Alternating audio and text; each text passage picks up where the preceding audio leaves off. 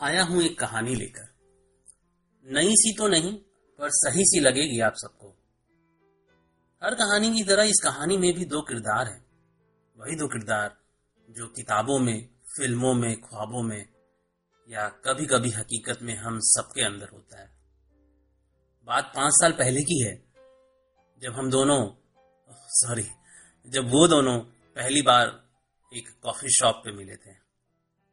वैसे तो उन दोनों ने घाट घाट का पानी पी रखा था, इसलिए दोनों ने डिसाइड किया कि इस मीटिंग को सिर्फ़ दोस्ती तक ही रखेंगे। यकीन है, हम सबने कभी न कभी ऐसी मीटिंग ज़रूर की होगी, और डेढ़ सौ रुपये वाली कॉफ़ी ज़रूर पी होगी। धीरे धीरे कॉफ़ी का बिल बढ़ता गया, घड़ी की सुइयाँ बढ़ती गई। कैलेंडर से लेकर थॉट प्रोसेस तक चेंज होने लगा। जिस रिश्ते को सिर्फ़ दोस्ती तक रखने का वादा किया था उस रिश्ते के लिए मैं सॉरी मेरा मतलब वो लड़का ऑफ़िस मिस करने लगा था। और तुम सॉरी वो लड़की अपने बॉयफ्रेंड का कॉल मिस करने लगी थी। वो अक्सर उस लड़के से कहती थी, तुमसे जब मिलती हूँ ना तो एक सुकून सा मिलता है, एक अजीब सी शांति मिलती है।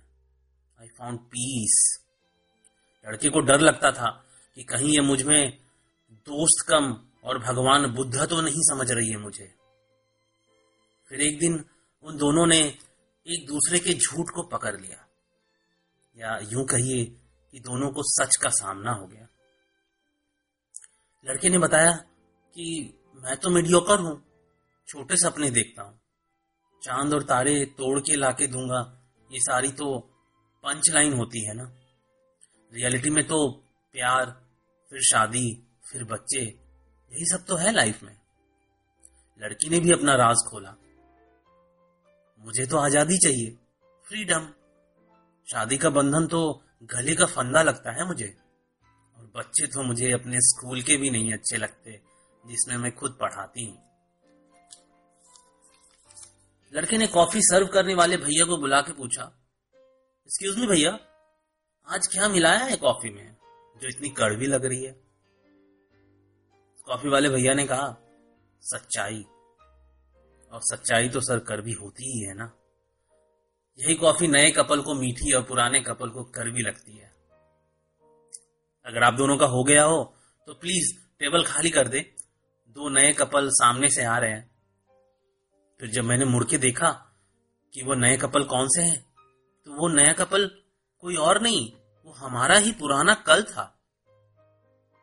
कितने अच्छे लग रहे थे दोनों। बहुत सच्चे लग रहे थे दोनों।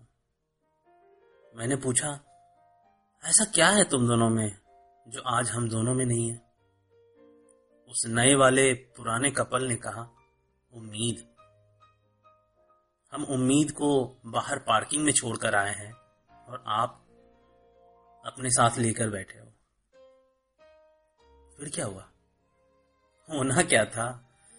वही कहानी फिर एक बार मजनू ने लिए कपड़े फाड़, मार तमाशा बीच बाज़ार और इसी तरह एक दिन उस लड़के के अंदर का मजनू लैला लैला करता हुआ मर जाता है। बस, कहानी खत्म। क्या हुआ?